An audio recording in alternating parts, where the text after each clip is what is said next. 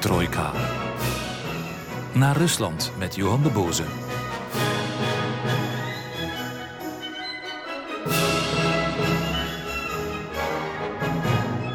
Vergeet even het laatste nieuws. Poetin, Oekraïne, want daar gaan we natuurlijk niet over hebben. Of toch wel, natuurlijk wel, maar niet meteen. Niet nu. Eerst moeten we proberen te begrijpen wat Rusland is, wat het betekent, waarom het is wat het is. Een meeslepend verhaal wordt het, vol verlangen, schoonheid en tragiek. Of zoals iemand het ooit zei: Wie in Rusland woont, leeft in een meeslepend, maar ook verschrikkelijk boek. Wij doen dat boek voor u open.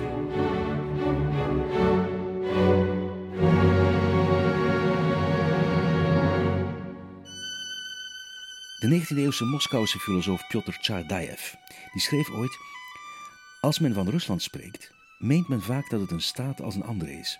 In werkelijkheid is het heel anders. Rusland is een complete wereld op zich. Een andere 19e-eeuwse Rus, de schrijver Konstantin Aksakov, die beweerde: Rusland is een land dat volstrekt op zichzelf staat. Het lijkt in geen enkel opzicht op de staten en de landen van Europa. Er zijn ook auteurs die het begrip Rusland een mystieke betekenis geven, de dimensie van een geheimzinnig, ondoorgrondelijk sacrum. Een van de grootste Russische dichters bijvoorbeeld, Fyodor Tjuchev, die dichtte Умом Россию не понять, аршином общим не измерить, у ней особенная стать, в Россию можно только верить.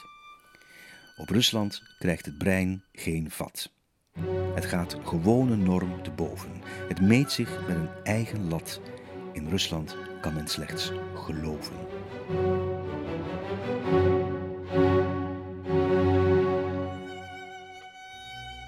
Het motto van deze radioserie is de Russische Revolutie. Die heeft enkele uren geduurd. De directe gevolgen van die revolutie hebben 73 jaar geduurd. Zo heel lang is dat eigenlijk allemaal niet. Er zijn met andere woorden mensen geweest die de pre-revolutionaire tijd, de revolutie zelf, de tijd van het communisme en de dictatuur van het proletariaat, zoals het regime in de Sovjet-Unie heette, en ook de postcommunistische tijd, mensen die dat allemaal hebben meegemaakt, die het aan de lijve hebben ondervonden. Dus het motto van alles wat ik u ga vertellen is de revolutie van 1917. Maar ik wil dat motto in een brede context zetten. Dat is de enige manier om Rusland min of meer te begrijpen. Of althans, het is een begin.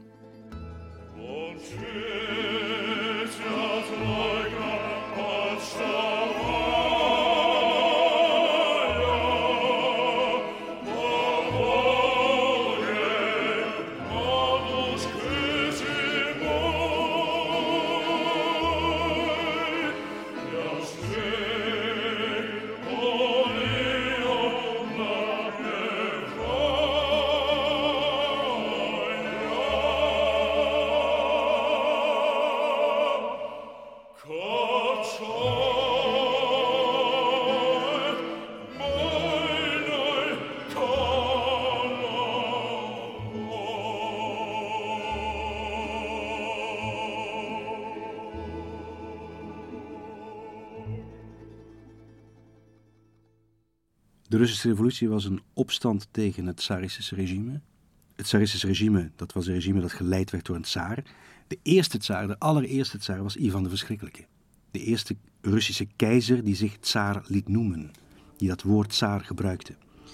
En dat woord tsaar, daar is al heel veel inkt over gevloeid wat dat precies betekent of waar het vandaan komt.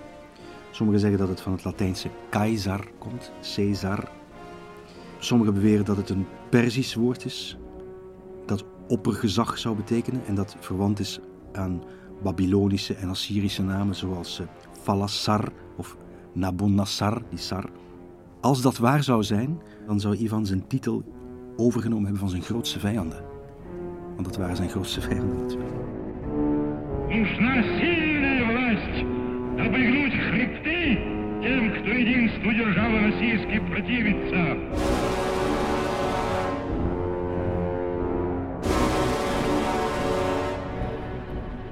Ja, Tsari van de Verschrikkelijke was een vredevorst.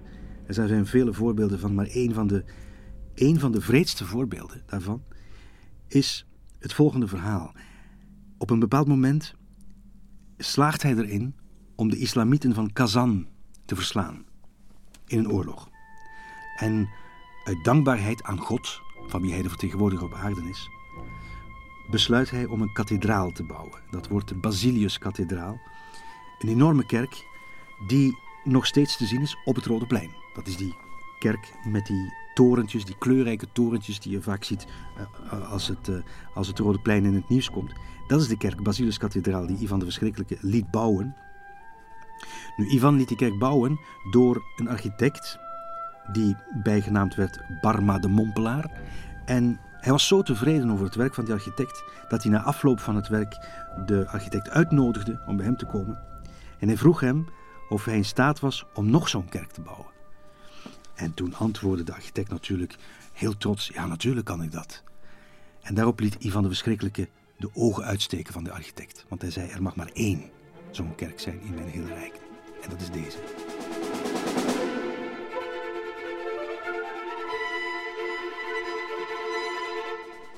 Ivan de Verschrikkelijke was niet alleen een vredevorst, hij was ook een mysterieuze vorst. Er is een verhaal over zijn bibliotheek, die hij zou hebben gekregen van zijn grootmoeder, Sophia Paleologus. Dat was de nicht van de laatste Byzantijnse keizer, Constantijn XI. Hij krijgt die bibliotheek, het moet een fantastische bibliotheek zijn geweest volgens de verhalen.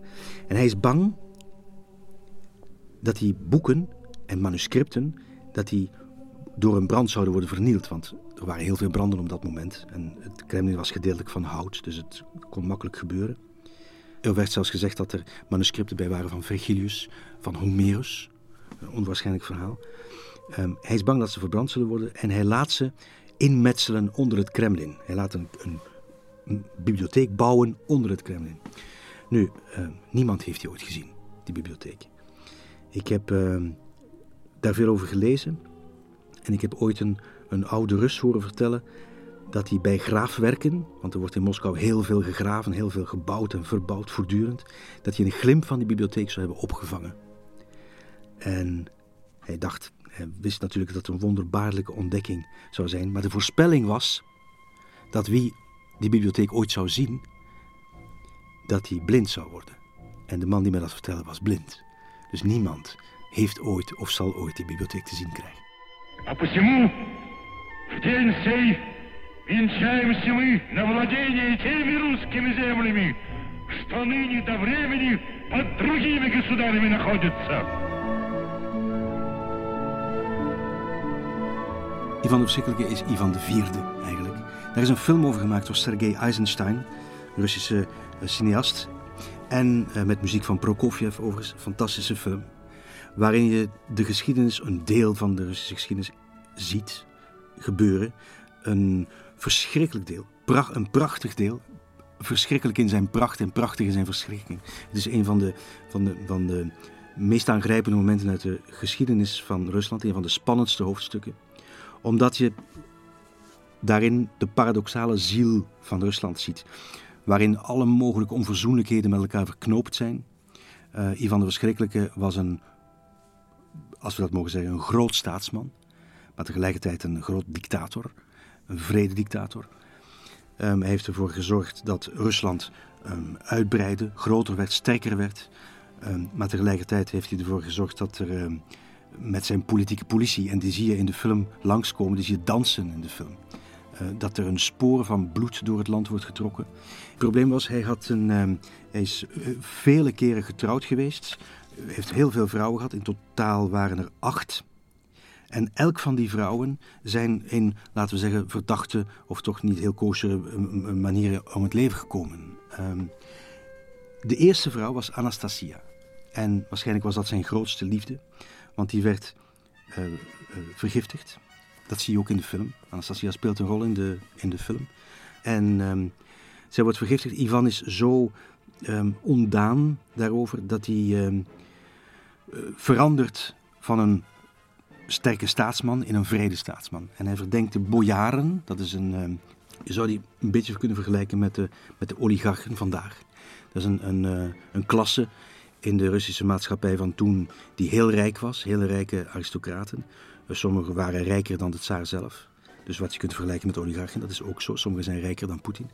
Ehm, en zij verdenkt hen daarvan. En hij richt een, keurkorps op, een, een, een eigen leger, de Oprishchina, of het duizendtal heet dat. Een staatspolitie, 6000 man. Die trekken door het land. Ehm, en ehm, die werden gerecruiteerd uit lijfeigenen. Dus dat waren slaven eigenlijk, op de, die op de hoogste ladder, op de hoogste treden van de ladder mochten gaan staan. En die met hun die eruit zagen als monniken. Ze droegen donkere monnikspijen. Ze bonden afgehakte hondenhoofden aan hun zadel. En zo trokken ze plunderend door het land, van stad naar stad. Met nachtelijke strooptochten. Hele dorpen werden uitgemoord door hen. En dat was zijn wraak. Dat was Ivan zijn wraak voor de moord op zijn eerste vrouw. En het is niet opgehouden sindsdien.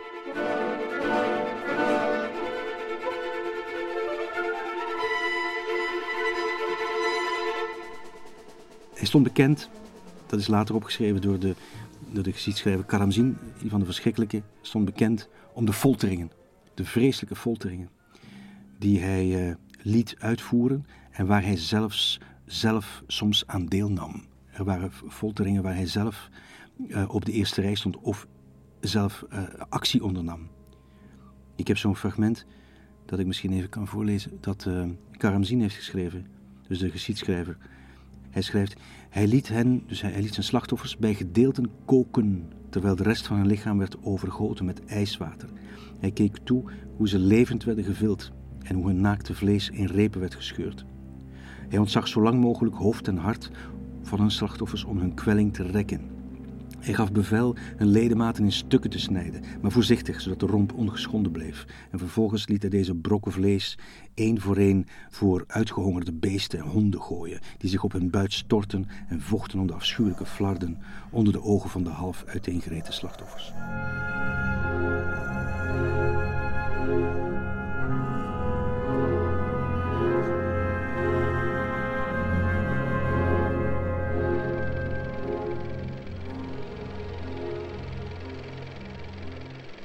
Sergei Eisenstein heeft die film gemaakt in 1944, dus tijdens de Tweede Wereldoorlog.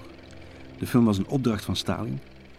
Toen keek Stalin naar die film, want hij had er opdracht gegeven om die te maken. Hij ziet die film en hij beseft dat dit gaat over hem. Dat het niet, het gaat natuurlijk over Ivan de Verschrikkelijke, maar het gaat ook over hem. Stalin laat een deel van die film vernietigen. Pas na zijn dood in 1958 zou die film opnieuw worden gereconstrueerd. Uh, maar het bewijst dat uh, Eisenstein een gigantische uh, filmmaker was en dat hij met een historisch verhaal het kritiek kon geven op zijn eigen tijd.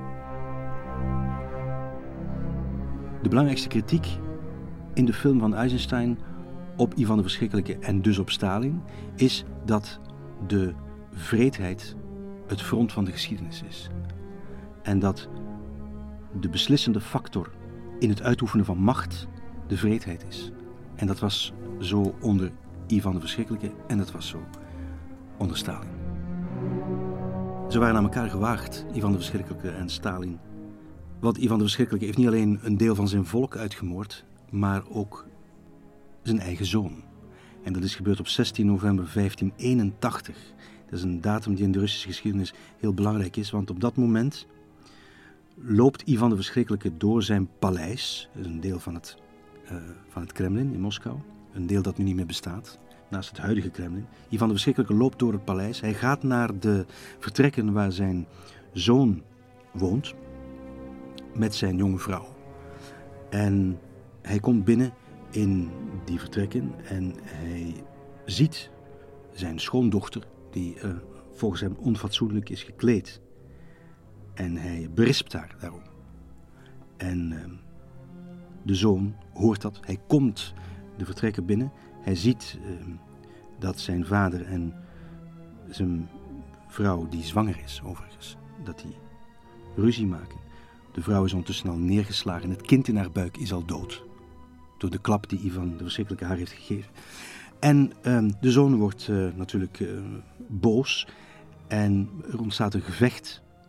En Ivan de verschrikkelijke neemt zijn staf en slaat daarmee op het hoofd van zijn zoon. En zijn zoon valt ook neer. Hij is niet meteen dood, uh, maar hij sterft uh, korte tijd daarna. En er is een schilderij gemaakt door Repin. eh, waarin dat te zien is. De, de waanzinnige Ivan de Verschrikkelijke met die waanzinnige blik van hem die in het onbestemde staart en in zijn armen ligt zijn bloedende zoon. Dat is een fantastisch aangrijpend beeld. Dat bewijst dat Ivan de Verschrikkelijke een zeer opvliegend man was, maar dat hij zelfs uh, niet te beroerd was om zijn eigen kind dood te maken.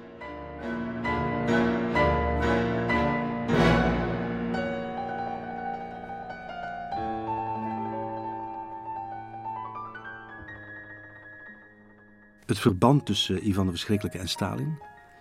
Er zijn heel veel verbanden. Ze waren aan elkaar gewaagd, ze waren even vreed. Ivan de Verschrikkelijke vermoordt zijn eigen zoon. Stalin, die had een zoon die tijdens de Tweede Wereldoorlog, uh, zoals iedereen, het was niet omdat hij Stalins zoon was dat dat niet hoefde, maar hij moest naar het leger. Dus hij moest uh, vechten. Um, hij wordt natuurlijk gevangen genomen. Hij wordt krijgsgevangen genomen door Hitler. Hitler sluit hem op in een concentratiekamp en stelt een deal voor met Stalin. Stalin had natuurlijk ook veel krijgsgevangenen. Ze zouden uh, een ruil kunnen doen. Als Stalin de hooggeplaatste officieren, Duitse officieren die hij in zijn kamp heeft, aan Hitler teruggeeft, dan krijgt Stalin zijn zoon terug. En Stalin weigert.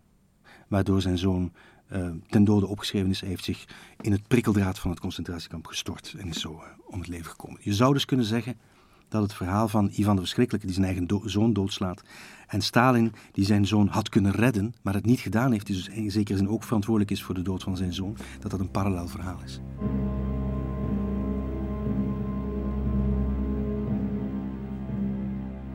Ivan de Verschrikkelijke besluit op een bepaald moment om zich terug te trekken. Uh, dat is ook een hele mooie scène in de film van Eisenstein. Hij gaat weg, je ziet hem weggaan. Trouwens, een fantastische acteur die dat speelt. En uh, Eisenstein heeft besloten Eisenstein is een van de grootste filmregisseurs uh, die er ooit zijn geweest. Hij heeft besloten om het model voor de, de rol van Ivan de Verschrikkelijke was de vogel. Dus je ziet Ivan de Verschrikkelijke weggaan als een soort van, als een enorme vogel. Zijn haar, uh, zijn baard, zijn armen, zijn vleugels. Uh, een soort arend, eigenlijk een beetje een rare arend, ook zijn neus. Hij gaat weg en hij wordt door het volk teruggeroepen. Het volk schreeuwt om een sterke leider. En Ivan komt terug en gaat opnieuw op de troon zitten. Met andere woorden, het volk had, had liever een, een, een verscheurend dier, een vreed dier, wat Ivan de Verschrikkelijke was geworden, als god van hun, van hun land, als vertegenwoordiger ook van God op aarde, als tsaar. Hij was de eerste die zich tsaar noemde. Ze hadden liever zo'n verscheurend monster dan dat uiteindelijk hun een land uh, ten prooi zou zijn vervallen.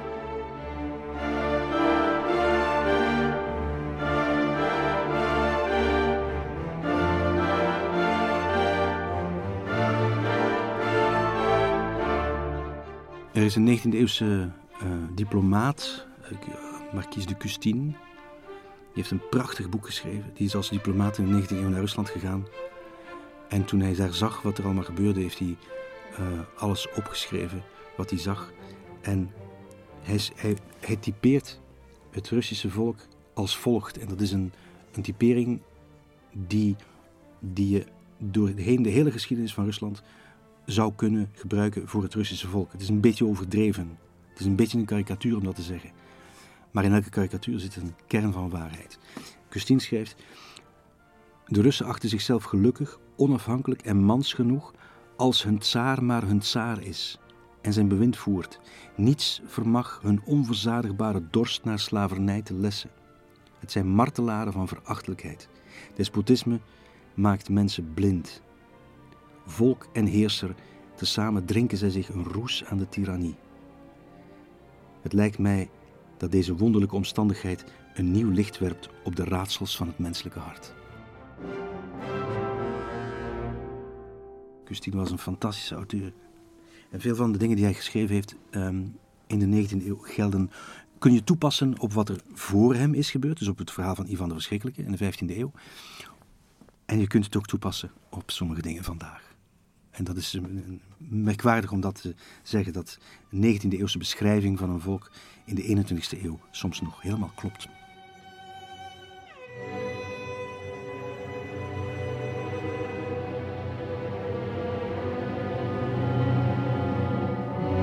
Naar Rusland met Johan de Boze.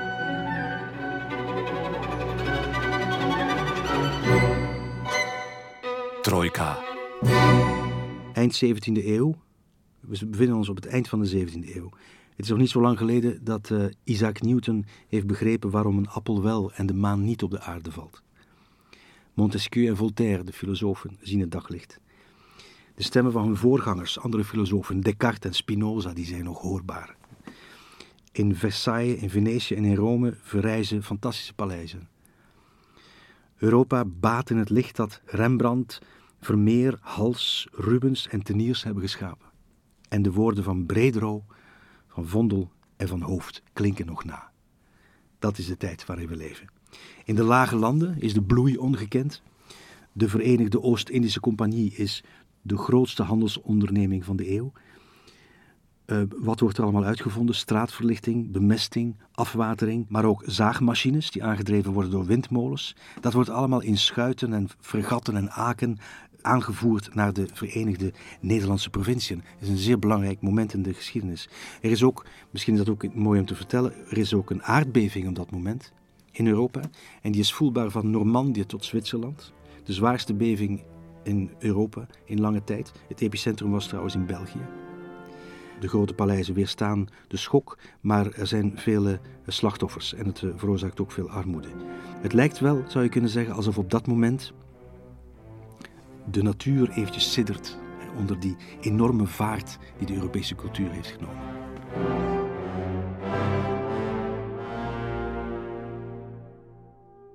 In die context, tegen die setting, duikt uh, Peter de Grote op, tsaar Peter. Hij is tien jaar oud als hij de titel van tsaar krijgt. Dat is natuurlijk krankzinnig. Dus hij kan natuurlijk nog niet regeren. Hij speelt nog met zijn tinnen soldaatjes, letterlijk. Dat zal hij later blijven doen, als hij volwassen is. Zijn tante heeft de touwtjes in handen zolang uh, Peter te jong is, te klein is om op de troon te gaan zitten. Er is trouwens die troon waar hij wel op zat. Maar hij kon nog niks doen, hij was nog te klein, die bestaat. Die is te bezichtigen in het museum, van het Kremlin. Dat is een, uh, hij zat erop samen met zijn broertje, dat zwakzinnig was. Ze zaten met z'n tweeën, dus een dubbele troon. Ze zaten met z'n tweeën naast elkaar, die twee kindjes. En in het midden is er een, een uitsparing, een gat in de troon. En daarachter zat tante Sophie. en die fluisterde in wat de jongetjes moesten zeggen.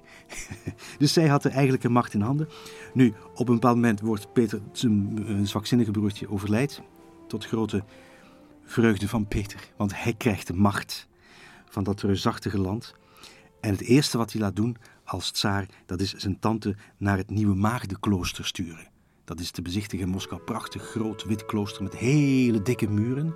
En daar werden alle vrouwen naartoe gestuurd. Nieuwe, waren geen maagden meer natuurlijk, ze werden nieuwe maagden genoemd. Er werden alle vrouwen naartoe gestuurd, die moesten zwijgen. En daar konden ze nooit meer weg.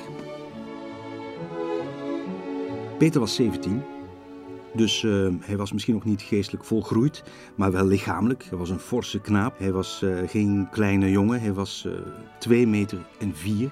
En hij zou de geschiedenis ook ingaan, letterlijk als Peter de Grote.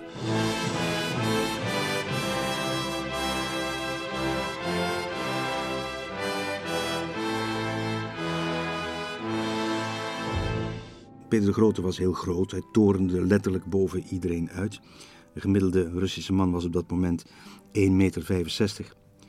En je zou kunnen zeggen dat dat dus 40 centimeter te kort is om met Peter de Grote op ooghoogte te staan. Dus hij stond altijd boven iedereen. Hij zat ook vol energie, vol levenslust. Um, misschien meer nog dan zijn lengte viel zijn ontzettende eh, levenskracht op. Hij kon niet blijven stilzitten of stilstaan. Als hij wandelde, als hij liep, dan liep hij zo snel dat zijn gezantschap moest hollen om hem te kunnen bijhouden. Als hij schrijfwerk te doen had, dan liep hij rond de lessenaar of rond de tafel.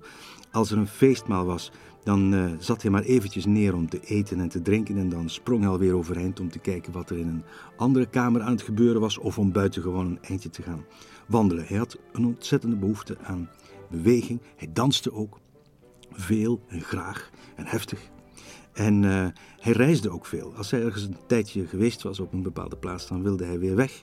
Hij wilde naar een nieuwe plek, hij wilde nieuwe mensen ontmoeten, hij wilde een andere omgeving zien, hij wilde nieuwe indrukken opdoen. Dus je zou Peter de Grote kunnen zien als iemand die zijn hele leven lang ontzettend nieuwsgierig was. altijd rusteloos, altijd in beweging.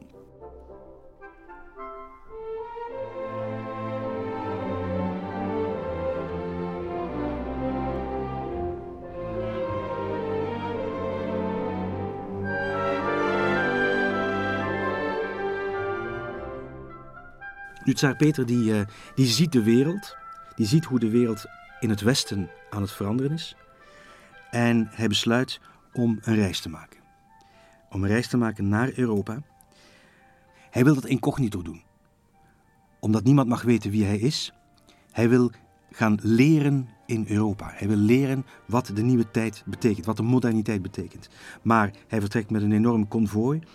Um, met heel veel personeelsleden, met heel veel soldaten, met een, een enorm veel materiaal. Uh, hij is zelf twee meter meer dan twee meter lang, waardoor hij ontzettend opvalt. Dus onopvallend kan hij niet zijn. Er was trouwens een bijgeloof op dat moment dat lange mensen geschapen zouden zijn door de duivel. Dat was een bijgeloof dat toen leefde. En hij trekt vanuit Moskou naar Novgorod en Pskov in het noorden, naar Riga, naar Koningsbergen, Hannover en de Nederlanden. En volgens de kronieken zou hij op 18 augustus 1697 om 6 uur ochtends met zijn schip zijn aangekomen in Zaandam. Zaandam is een klein stadje in de buurt van Amsterdam. Hij komt daar aan met zijn aak en op de kust staat de smid, die heet Gerrit Kist. En die woont daar op het Krimp. Was een man die kort daarvoor in het Russisch leger had gediend. En die is die dag uitgevaren om te gaan vissen. En Peter de Grote komt daar langs met zijn, met zijn schip. De smid en de, de tsaar herkennen elkaar. Ze vallen elkaar in de armen. En Peter vraagt of hij tot de lente bij hem mag blijven. Dus een vrij lange tijd. En Kist zegt natuurlijk dat dat kan. Hij biedt hem een kamer aan. Een kamer dat gemaakt is van, van scheepsbinten. Een klein, een klein arbeidershuisje. En hij moet ook eh, beloven, die smid, dat hij aan niemand zal vertellen dat de tsaar van Rusland in dat huisje woont. Maar natuurlijk, dat duurt niet lang, want zo'n lange vreemdeling in zo'n klein plaatsje, iedereen heeft hij meteen gezien. En uh, met, meteen doet het gerucht rond dat het niet zomaar een zeeman is, maar dat het de keizer van Rusland is die daar logeert. Waar hij kwam waren altijd massa's mensen aanwezig. Um, en hij kocht een zeilboot en hij trok naar Amsterdam. Is maar heel korte tijd in Zaandam gebleven. Hij ging naar Amsterdam. Daar kreeg hij de kans om nog meer uh, op te steken over scheepsbouw en andere dingen. Hij kreeg de kans om uh, op uh, de scheepswerven als werkman mee te helpen aan, het, aan de scheepsbouw, letterlijk. Echt met zijn handen. Hij werkte heel graag met zijn handen. En hij nam natuurlijk, hij leerde niet alleen, hij wilde ook dingen meenemen. Hij wilde het ook in zijn eigen land realiseren. Dus hij nam modellen en ontwerpen mee van die brandspuiten en die straatlantaarns. Hij ging naar Leiden, waar hij uh, bij de botanicus Herman Boerhaven een anatomische demonstratie bijwoonde. En uh, toen tijdens dat bezoek gebeurde iets heel bijzonders. Toen enkele van zijn Russische metgezellen afkeurende geluiden maakten en bijna begonnen te kokhalzen toen ze Boerhaven het lijk zagen opensnijden. Toen werd Peter woedend. En tot afgrijzen van de Hollanders beval hij hen naar het kadaver te gaan, zich eroverheen te buigen en met hun tanden een spier van het lijk af te bijten. Zo was Peter de Grote. Ten slotte bezocht hij ook nog in Delft Antonie van Leeuwenhoek, dat is de uitvinder van de microscoop. En uh, gefascineerd door de microscoop sprak hij twee uren lang met uh, Van Leeuwenhoek, terwijl Van Leeuwenhoek met zijn kijkglas een studie maakte van spermacellen.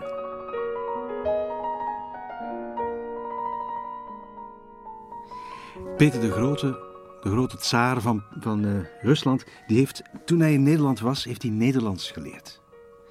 En dat is de reden dat er in het Russisch eigenlijk heel veel Nederlandse woorden zijn. Het zijn vooral scheepstermen natuurlijk, want hij was in de scheepsbouw actief. Maar ook kledingstukken, lichaamsdelen, attributen, maateenheden, beroepen, um, windrichtingen, weertermen, onderdelen van huizen, van schepen. Dat zijn in het Russisch allemaal Nederlandse woorden. En misschien is het goed om een paar voorbeeldjes daarvan uh, te noemen. Er zijn er heel veel. Bijvoorbeeld het woord broek, brjuki in het Russisch. Dat bestond, men droeg, men droeg een soort kaftans. En heeft de broek geïntroduceerd. En broekie is een meervoud. Dus eh, ehm, het woord uh, kajuta bijvoorbeeld, kajuit. Het woord kapitan, kapitein, koetscher, koetsier. Het woord matroos, hoef ik niet te vertalen. Natuurlijk Noord, Oost, Romp, allemaal Nederlandse woorden. Schlius is sluis, de ui kennen de Russen niet, ze maken er schlius van. Snoer, snoer. Een heel mooie is het woord voor stropdas, is in het Russisch galstuk. En dat is natuurlijk een halsdoek. Het woord trap, het woord tros, vlak, allemaal uh, Russische uh, woorden, maar die eigenlijk Nederlands zijn. Het woord voet, voet, voor voet de afstand, de maateenheid, niet het lichaamsdeel. Um, wimpel, wimpel, zjoet, eigenlijk is het in het Russisch zjoeit, Zuid, maar die uit, dat, dat kunnen ze absoluut niet uitspreken, zoals wij joeit niet kunnen uitspreken. Uh, nog een aantal woorden, grappige woorden. Het woord appelsien is Russisch. Stoel, artichok, abrikoos, matras. Enfin, je kunt het zo niet bedenken. Een hele reeks. Bootsman, bakkenbarde, achterstjevin. het klinkt alsof ik slecht Nederlands spreek, maar het is goed Russisch. En heel grappig is ook dat uh, Peters beschonken metgezellen uh, blijkbaar zo'n indruk hebben gemaakt op de Nederlanders, dat het Russisch woord voor feestmaal, namelijk pier, dat dat uiteindelijk is uh, overgenomen in het Nederlands. Piravat, pierwaaien, het feestvieren. Dan wordt dat in Nederland waarschijnlijk meer dan hier gebruikt, maar het is een woord dat afkomstig is uit het Russisch. Piravat, pierwaaien, in de betekenis van de beest uithangen. sonst spielt ich mit Zepter, mit Krone und Stern, das wird schon als Kind, ach, ich fang es so gern. Gespielen und wieder bedrohen,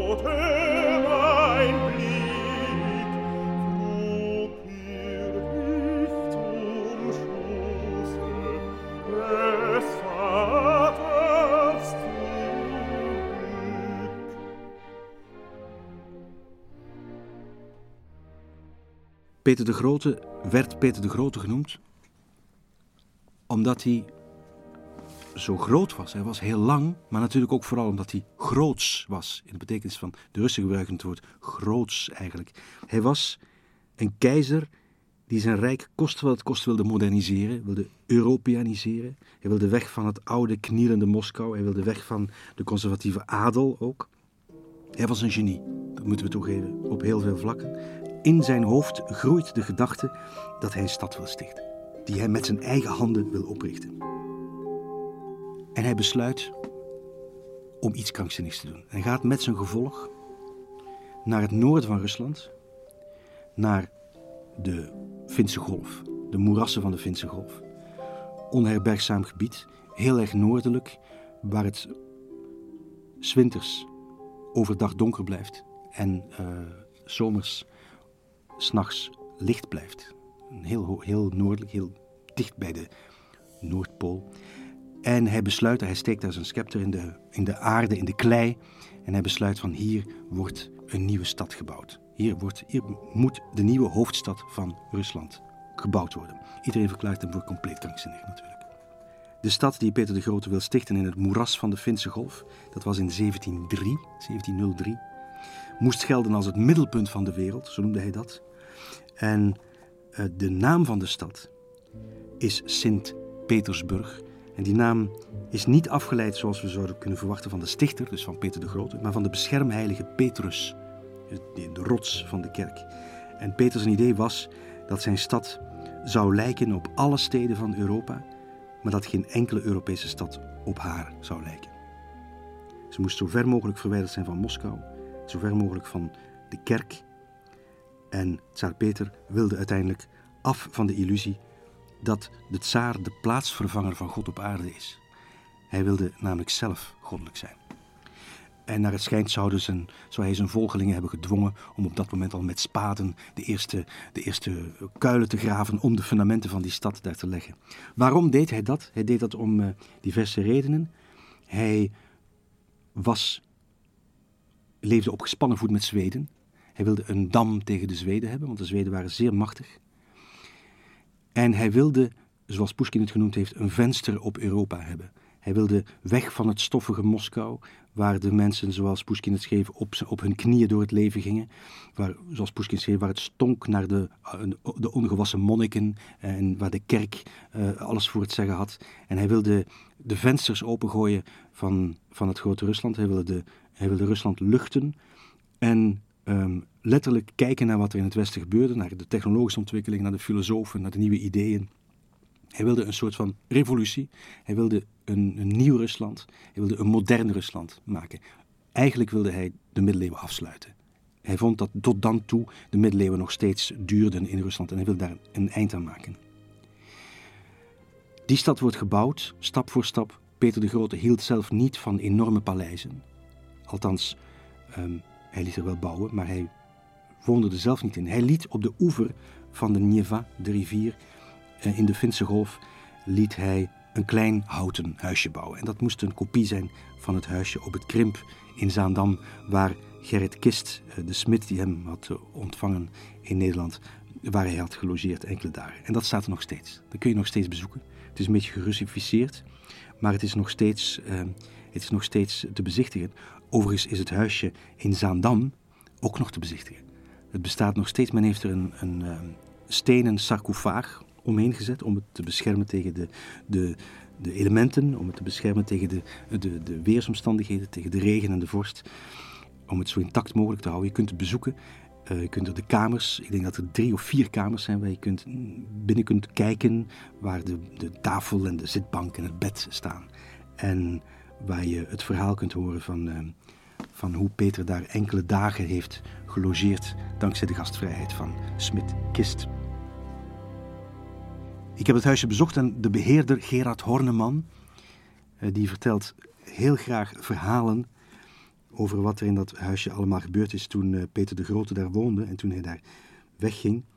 En een van die verhalen is geboekstaafd in een klein gestenceld uh, brochure. Geniet, een beetje armoedig uitgegeven, maar het is, het is een prachtige verhaal. Daar staat onder andere in het verhaal van een lakenkoopman uit Westzaandam die een verslag heeft gemaakt van het vertrek van Peter de Grote uit het huisje van Gerrit Kist. En daar schrijft hij onder andere op het moment dat Peter de Grote het huisje verlaat, daar schrijft hij over,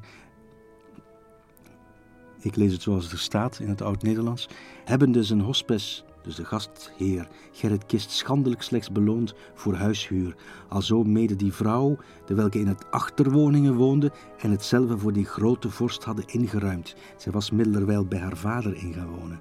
En die vrouw vereerde hij daarvoor zeven gulden. Ja, het besluit is natuurlijk dat Peter de Grote nogal gierig was. Toen het huisje enkele jaren later werd verkocht, was het 450 gulden waard.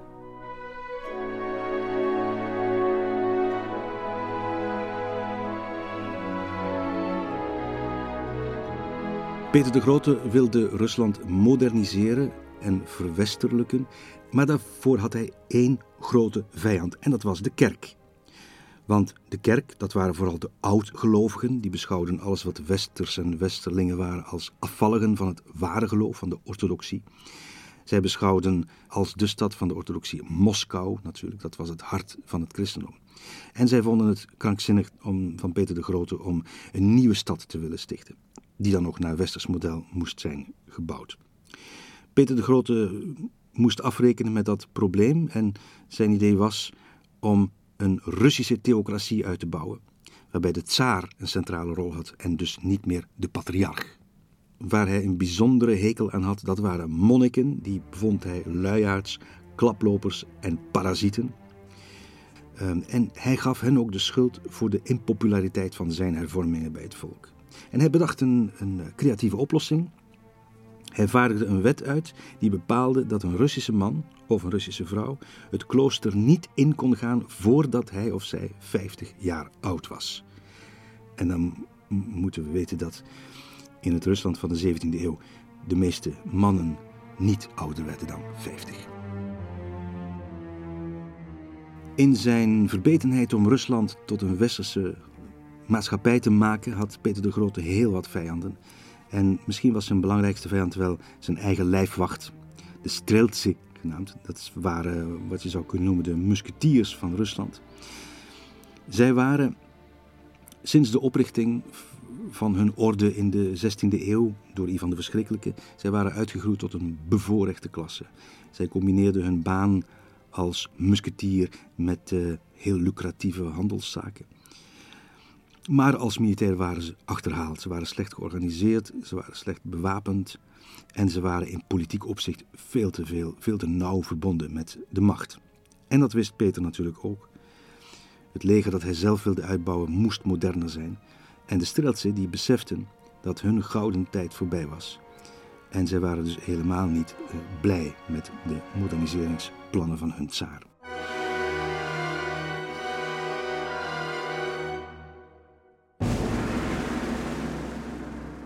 Die hele situatie creëerde de ideale omstandigheden, zou je kunnen zeggen, voor een opstand. En die opstand kwam er ook. In 1698 revolteerden ze. Toen kwam die keizerlijke lijfwacht van de Streltsy in opstand tegen zijn eigen machthebber.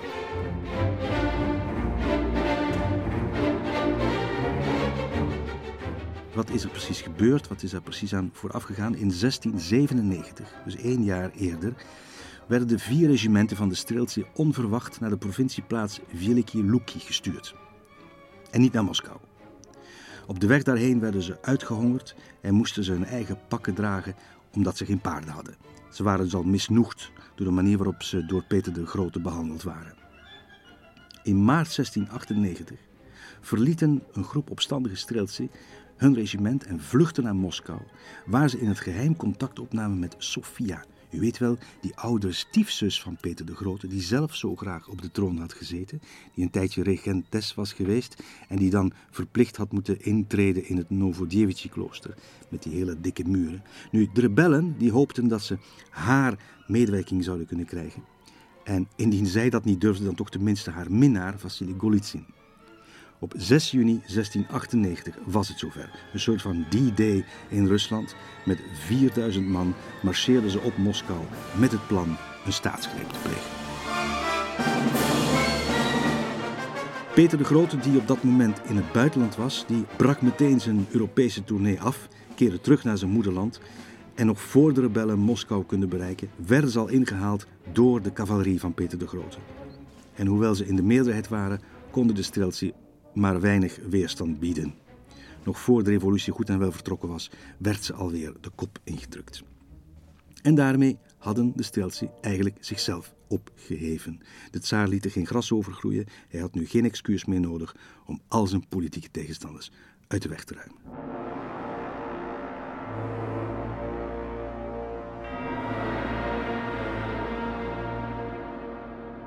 Iets anders wat eh, Peter de Grote in Nederland heeft geleerd, dat was de publieke executie. Daar was hij dol op. In Amsterdam woonde hij geregeld meermalen een gerechtelijk proces bij. En hij informeerde dan wanneer er een volgende executie op de agenda stond. Op een keer, toen er twee personen te dood veroordeeld leken te worden, wilde hij graag aanwezig zijn. Alleen vond het zaad dat het proces te lang duurde. Hij was bang dat hij al voor de voltrekking van het doodvonnis alweer in Rusland terug zou zijn. Dus hij stelde voor om twee personen uit zijn eigen hofhouding, die een onderling conflict hadden en die uh, in de gevangenis zaten, om hen te executeren. Ik heb er toch genoeg, ik heb toch genoeg dienaren, zou Peter de Grote gezegd hebben. Dus de Nederlandse autoriteiten gaven gelukkig aan dat ze dat niet konden doen, maar ze konden hen wel verbannen. En zo gebeurde dat die twee hofdienaren verbannen werden. De ene naar Batavia, de andere naar Suriname. Peter de Grote was zo in de ban van executies, omdat hij zag dat het de omstanders en dus ook zijn mogelijke vijanden enorm afschrikte. En hij besloot om dat soort executies ook in Rusland te introduceren. En daar kreeg hij nu de kans toe, want de Streltsy die moesten eraan geloven. Tussen oktober 1698 en februari 1699, dus een enkele maanden tijd, vonden in opdracht van Peter de Grote maar liefst 1150 executies plaats van potentiële rebellen uit de kringen van de Streltsjes. De verdachten die hij liet oppakken, die werden eerst stevig gemarteld. Hun ruggen werden met leren zwepen kapotgeslagen en daarna werden ze levend geroosterd boven een stevig opgestookt vuur. Peter de Grote gebruikte voor die martelingen veertien afzonderlijke martelkamers en hij was zelf met enige regelmaat aanwezig bij de verhoren. Na de executies ging hij meestal als een losgeslagen beest feestvieren, drinken met zijn eh, personeel. En er is een anekdote dat hij in een van zijn paleizen in Peterhof, in een van de tuinhuizen, staat een gigantische glazen beker en die was tot de rand gevuld met vodka. Ik denk misschien drie of vier liter vodka. En uh, de afspraak was dat wie te laat kwam op zijn feestje, dat hij de beker helemaal moest leegdrinken. Ad fundum. En de eerste man die te laat kwam was zijn eigen schoonzoon. En die moest de beker leegdrinken. Ik weet niet of hij het overleefd heeft, maar ze hebben hem niet meer teruggezien. De executies van de Steelse die zijn begonnen op 10 oktober 1698 en maandenlang werden elke dag enkele tientallen en soms meer dan honderd rebellen aan de gal gehangen of geradbraakt of onthoofd. Op 11 oktober werden er 144 opgehangen op het Rode Plein in Moskou. Die werden aan balken die tussen de kantelen van de muur van het Kremlin uitstaken opgehangen. 109 mensen werden met een bijl of een zwaard onthoofd boven een open sleuf in de grond van uh, Preobrazenskoye. Dat is een van de grachten rond het Kremlin. Drie broers die tot de koppigste rebellen hadden behoord, werden op het Rode Plein zelf ter dood gebracht. Twee werden er geradbraakt ter stierven een langzame dood, terwijl de derde voor hun ogen werd onthoofd. En priesters, die de Streltsy hadden aangemoedigd om in opstand te komen, die kregen een speciale vernederende behandeling. Zij kwamen te hangen aan een galg in de vorm van een kruis.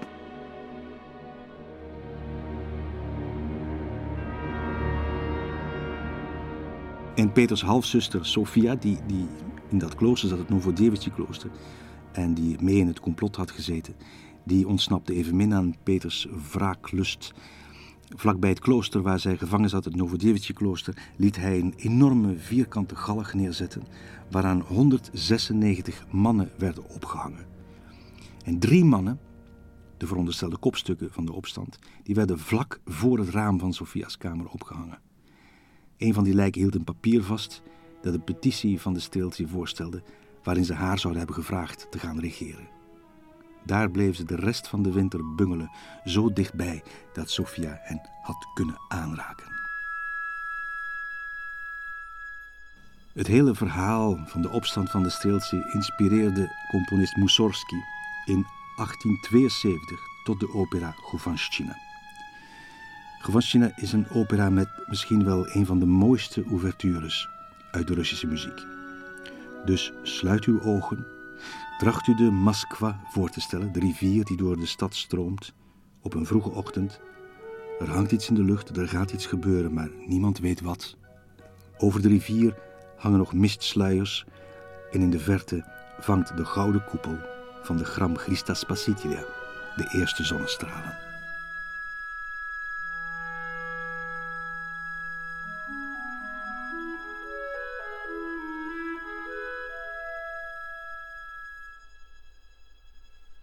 Peter de Grote heeft een stad laten bouwen, Sint-Petersburg.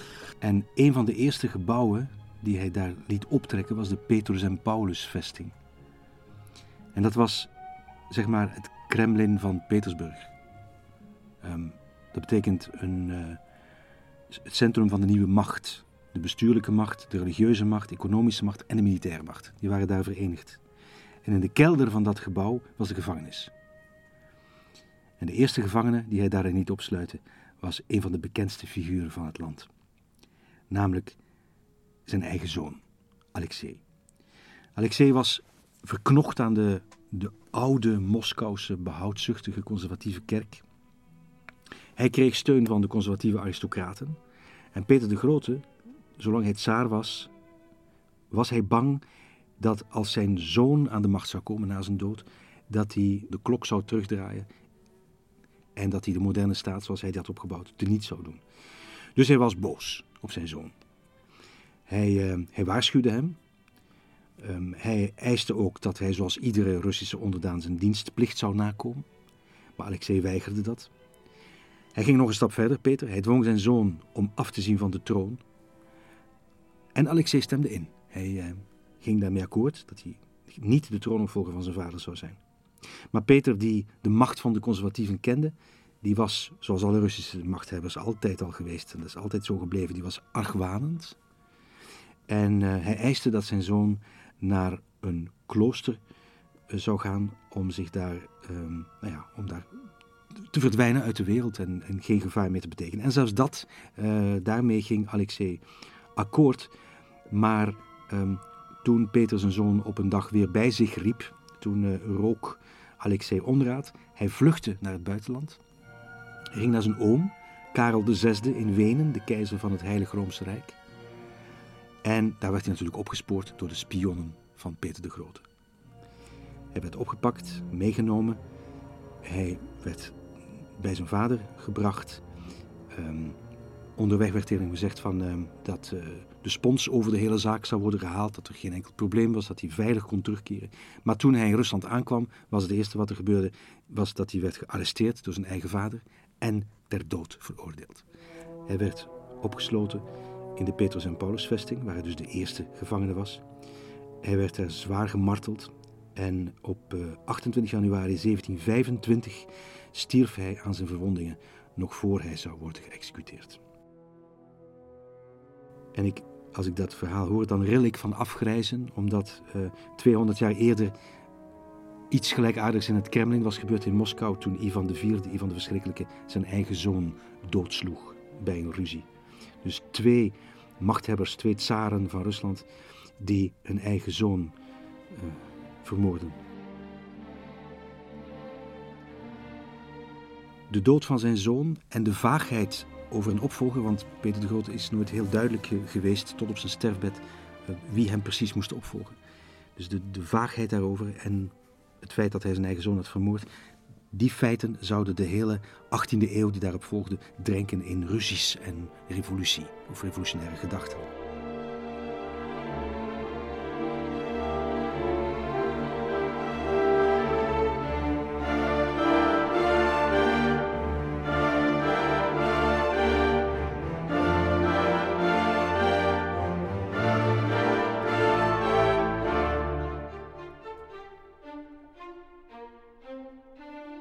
Had ik al verteld dat Peter de Groot een sinistere sadist was?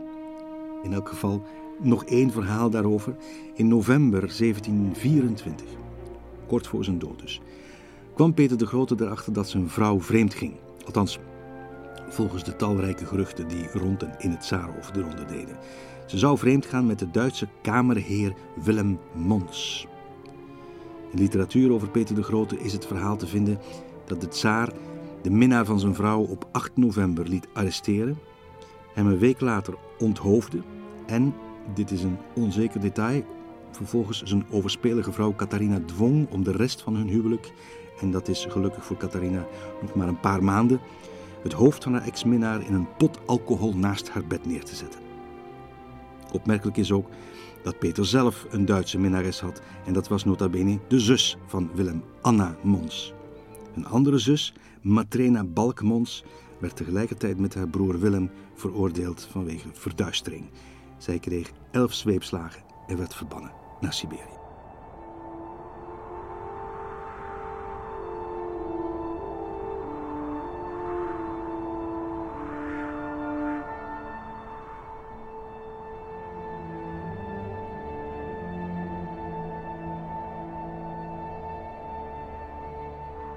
Tsaar Peter de Grote was intussen voor de tweede keer ernstig ziek geworden. Hij had sinds 1722 een infectie aan zijn urinewegen, die in 1724 weer volop begon op te spelen en hem in januari 1725 fataal werd.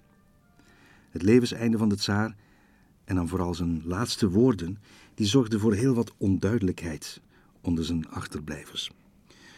Op 27 januari Om twee uur middags vroeg de keizer, misschien bij de gedachte aan zijn opvolging, om schrijfpapier.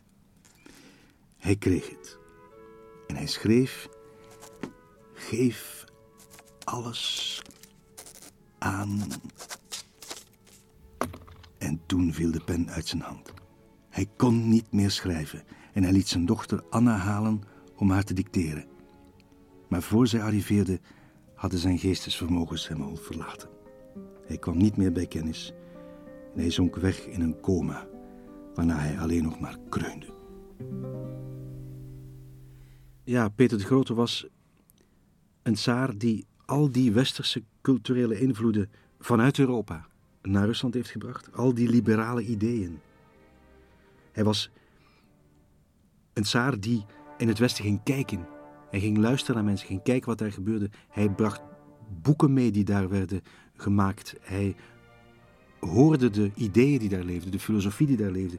Eh, de filosofie van, van bijvoorbeeld van Voltaire bijvoorbeeld, die voor ons vanzelfsprekend zijn, maar die in Rusland op dat moment absoluut niet, niet bestonden. Het idee van vrijheid, het nadenken over vrijheid, het nadenken over de lijfeigenschap. Wat betekent dat? Wat, is dat goed of niet goed? Dat soort dingen, dat soort ideeën bracht hij binnen in Rusland.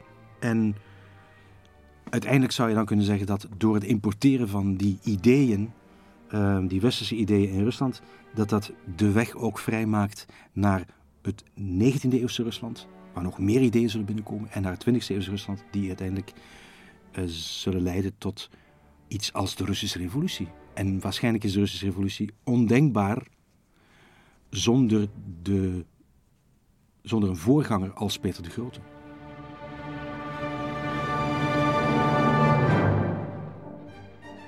In het hart van Sint-Petersburg staat er een enorm standbeeld van uh, Peter de Grote. Peter de Grote op een paard, voorgesteld bijna als een, als een Romeinse keizer. En er is veel geschreven over Peter de Grote. En Pushkin, nogmaals de grootste Russische dichter, begin 19e eeuw, die heeft een prachtig verhaal geschreven um, over Peter de Grote. Dat heet de Bronzen Ruiter. En die Bronzen Ruiter, dat is het standbeeld. En in dat verhaal komt dat standbeeld tot leven. En um, er is een overstroming. Er zijn vaak overstromingen in Sint-Petersburg.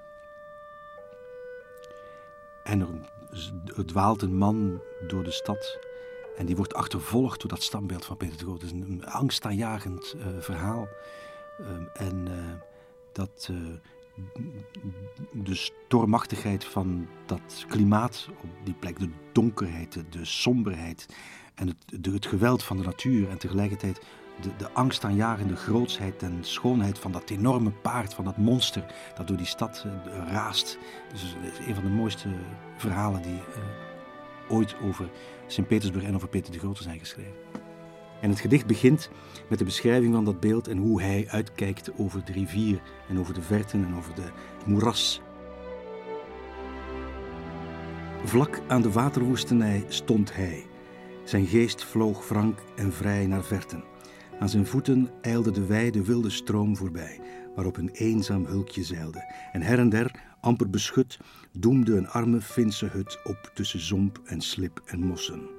Het zonlicht was zonder nut, in mist verborgen voor de bossen die rondom bruisten.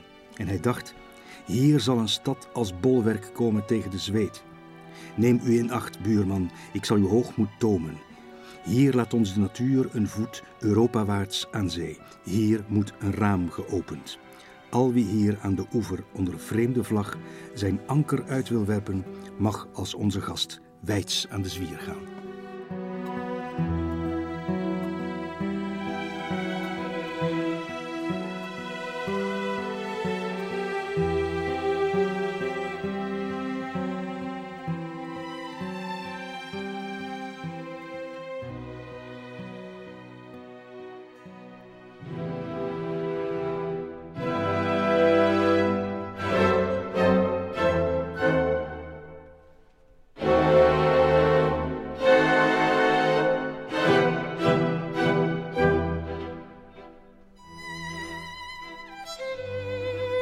Rusland met Johan de Boze. Na Peter de Grote kwam Catharina de Grote. Dat is niet helemaal waar, want daartussen had je nog een aantal andere tsaren. Je had Catharina I, Peter II, Anna I, Ivan VI en Elisabeth I. Een tragicomische stoet van zwakke vorsten. En dat was met Peter III niet anders. Maar Peter III had wel een vrouw. En die vrouw was Catharina de Grote. Catharina werd als Duitse geboren en op 16-jarige leeftijd werd ze al uitgehuwelijkt aan de Russische troonopvolger. Een gelukkig huwelijk kunnen we het niet noemen. Tsaar Peter en Catharina bleken elkaars tegenpolen te zijn. Peter was altijd dronken. Het enige waar hij mee bezig was, dat waren militaire exercities en het spelen met soldatenpoppetjes. En hij speelde ook viool. Voor de rest was hij vooral geïnteresseerd in mooie hofdames met wie hij allerlei affaires aanknopte. Maar voor Catharina betoonde hij niet de minste genegenheid. Integendeel, hij beledigde haar regelmatig in het openbaar tijdens vergaderingen op bals of tijdens feesten. Catharina was uit ander hout gesneden. Zij was eerzuchtig, intelligent en sluw. En net als Peter ging ze wel eens vreemd, onder meer met de vorst Grigori Orlov. Ze was Duitse, maar ze leerde Russisch en ze verdiepte zich in de Russische geschiedenis. Ze was geïnteresseerd in literatuur, ze las de klassieke werken van Cicero, Plato, Tacitus. En ze was eh, bezeten ook door de Franse verlichtingsliteratuur. De boeken van Denis Diderot, de encyclopédie.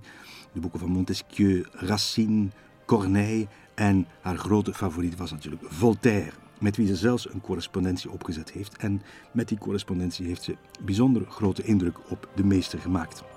Voltaire noemde haar zelfs de ster van het noorden.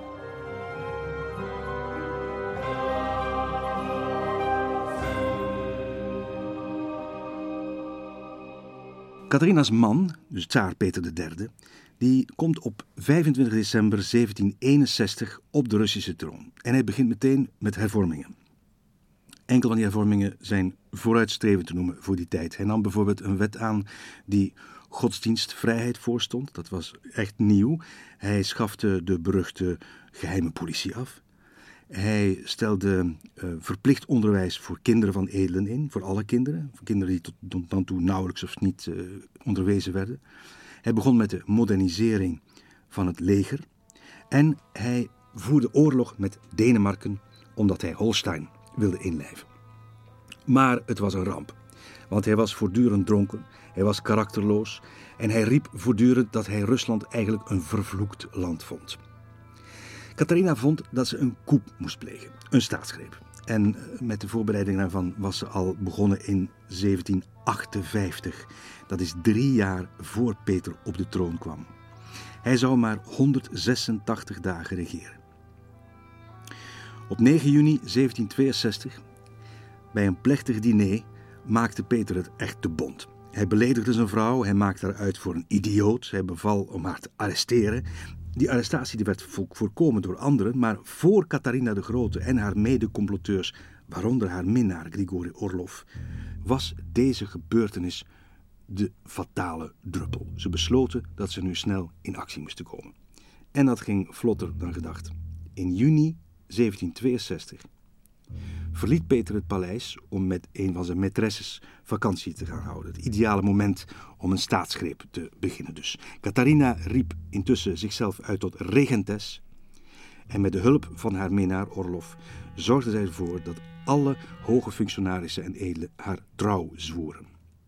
Zo makkelijk was dat. Peter werd gearresteerd en gevangen gezet in Ropsha. Maar hij gaf zich niet zomaar gewonnen.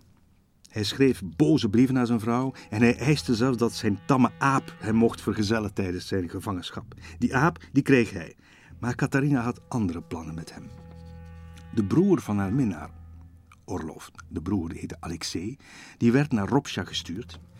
En daar deed hij zich voor alsof dat hij gewoon bij Peter op bezoek kwam en om samen wat te drinken, wat de Russen zo graag doen.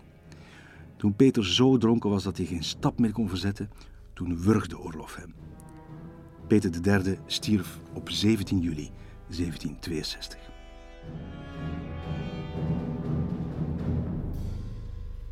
Orlof, de minnaar van Catharina, was geen staatsman, maar hij was iemand die de situaties en de tendensen in de maatschappij heel goed kon inschatten.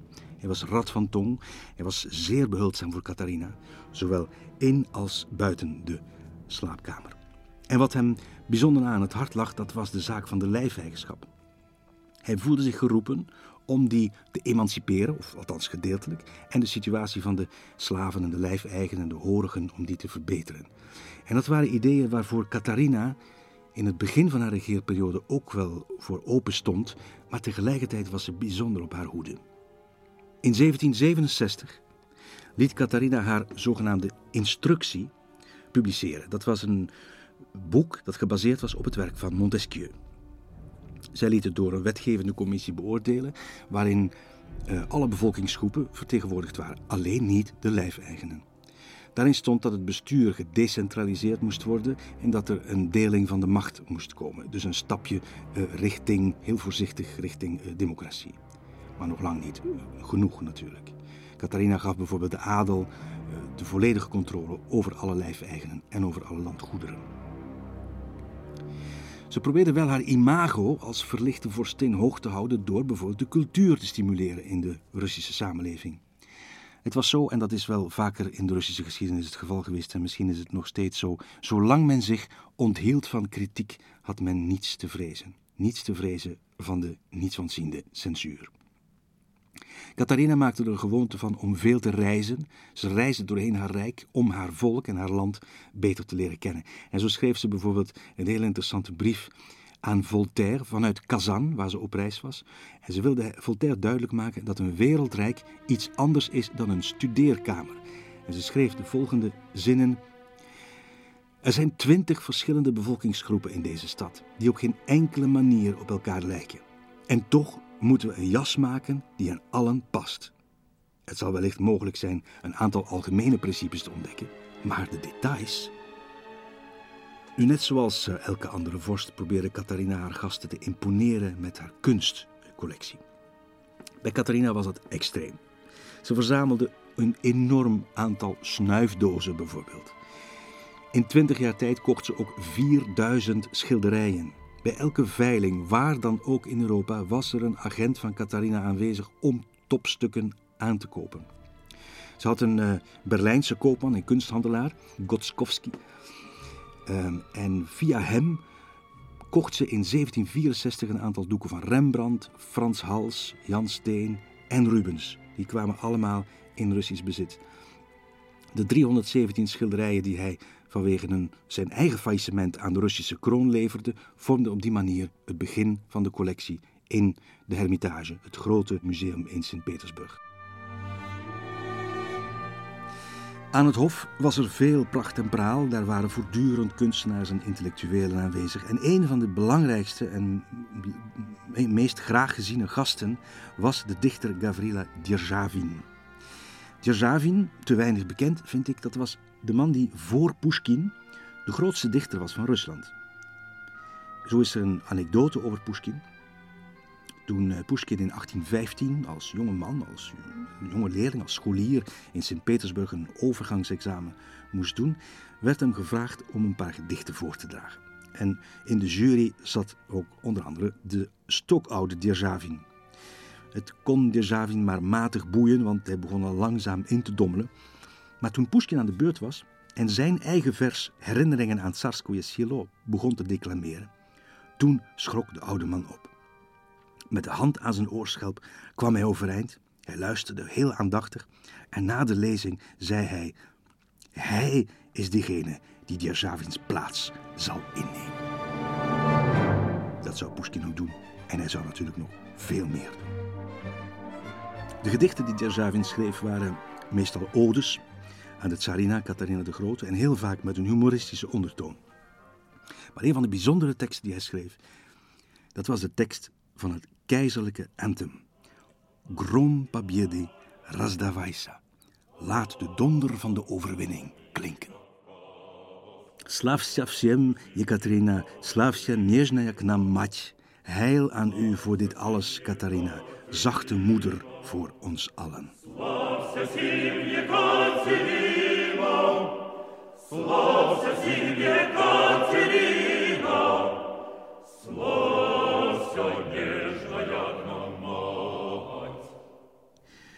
Ja, een zachte moeder was ze misschien wel voor sommigen, maar niet voor iedereen. Want haar liberale ideeën die ze aan het begin van haar beleid had, die moesten toch langzaam baan ruimen voor meer conservatieve opvattingen. De Franse Revolutie van 1789 was een grote schok geweest voor Catharina. Omdat zij inzag dat de idealen van de verlichting, waar ze zo hoog mee opliep, hadden geleid tot die revolutie. Ze was bang dat een dergelijke revolutie ook in Rusland zou plaatsvinden en op die manier liet ze dus de schijn van de verlichting vallen en trok ze de teugels nog strakker aan. Van enige vrijheid was daarna geen sprake meer. Schrijvers werden gearresteerd omdat ze kritiek hadden op het hof en ze werden dan meestal ook verbannen naar Siberië.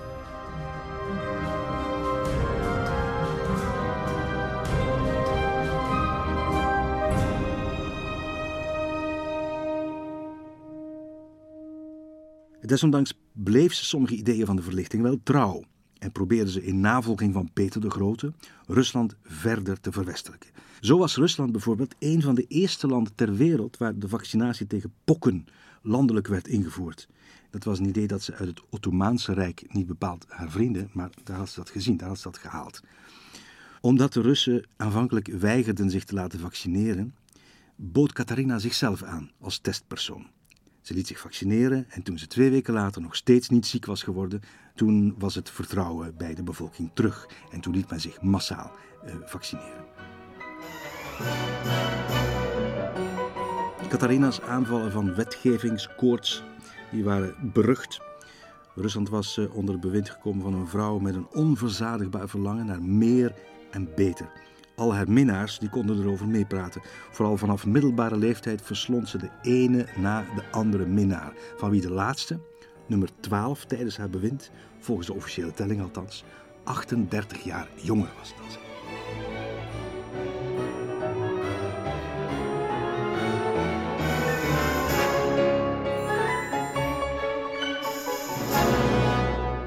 In de jaren 70 van de 18e eeuw brak de gevaarlijkste opstand uit onder Catharina's bewind. In 1773 vond ten westen van de rivier de Jaik en ten oosten van de Volga de laatste grote Russische kozakkenopstand plaats. De leider daarvan was Yemelyan Pugachov. Pugachov was een man die zich uitgaf voor de vermoorde tsaar Peter II, de tsaar die door Catharina, door zijn eigen echtgenote, was vermoord. In naam van Pugachov met zijn tienduizenden volgelingen vermoorden ze alle edelen, alle aristocraten die ze in handen kregen. Ze kregen daarbij steun van de priesters, van de plaatselijke priesters, de geestelijkheid, die hen in grote getalen steunde. Die priesters die verspreidden de propaganda van Pugachov. Het doel van Pugachov en zijn beweging was onwaarschijnlijk. Hij wilde vrijheid voor de Kozakken. Onder die Kozakken waren ook veel oudgelovigen. Wilde absolute vrijheid en hij wilde dat de tsarina Catharina de Grote dat hij zou worden opgesloten in een klooster. Het leger groeide ontzettend snel. Door de groei van zijn leger controleerde Pugachov een groot deel van het gebied tussen de Volga en de Oeral. Dat is een gigantisch gebied.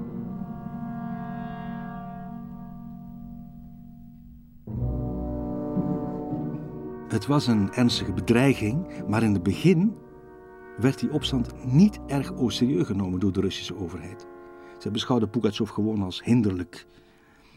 Op zijn hoofd stond in oktober 1773 een beloning van 500 roebel. Maar een maand later was het al 28.000 roebel. En toch werd Pugachov door Catharina nog steeds niet serieus genomen. In een brief aan Voltaire omschreef ze hem gewoon als een grap. Er waren verschillende legereenheden onder leiding van Catharina de Grote die stuk liepen op de legers van Pugachov. Catharina's rijk, het mooie grote Rusland, schudde en daverde op zijn grondvesten. En toch, uiteindelijk, wonnen de troepen van de tsarina. Pugachov kreeg de genadeklap toen een van zijn eigen mensen uit zijn eigen troepen hem ontmaskerde als een ongeletterde bedrieger. En in een kooi werd hij uitgeleverd. Ten slotte werd Pugachov publiekelijk gevierendeeld. Pushkin, die een voorliefde had voor romantische helden, liep heel hoog op met Pugachov.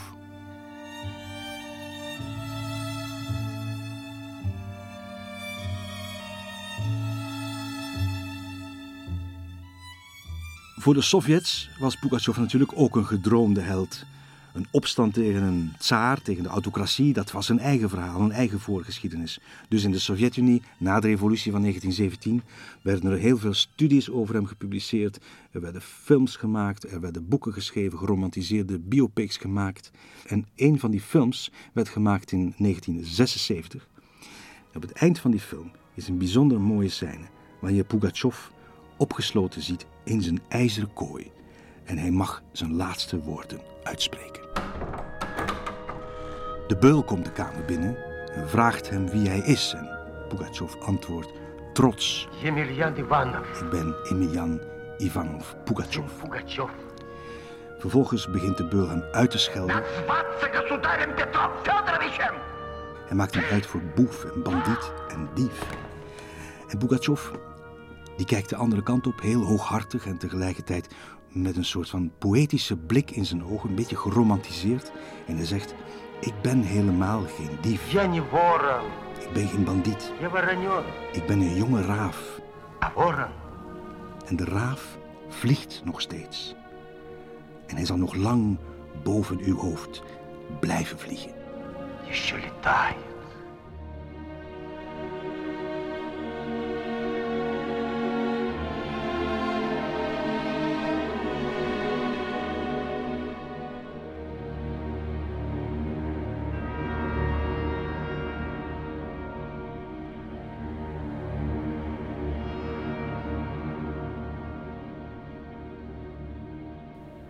Van een kozak. Maar ze blijven tot de verbeelding spreken, die kozakken. En nog steeds hebben ze reputatie. Na het uiteenvallen van de Sovjet-Unie begon de kozakkencultuur zelfs aan een wederopstanding in Rusland en in Oekraïne. Kozakken hebben zich gevestigd in gebieden en landen in de Caucasus, in Siberië, in de Baltische Staten ook, om daar de etnische Russen te beschermen tegen vervolging door andere etnische groepen, soms ook om gewoon orde te handhaven, vooral in het begin van de jaren 90. En de Kozakken zijn ook actief in de beveiliging van de zakenwereld.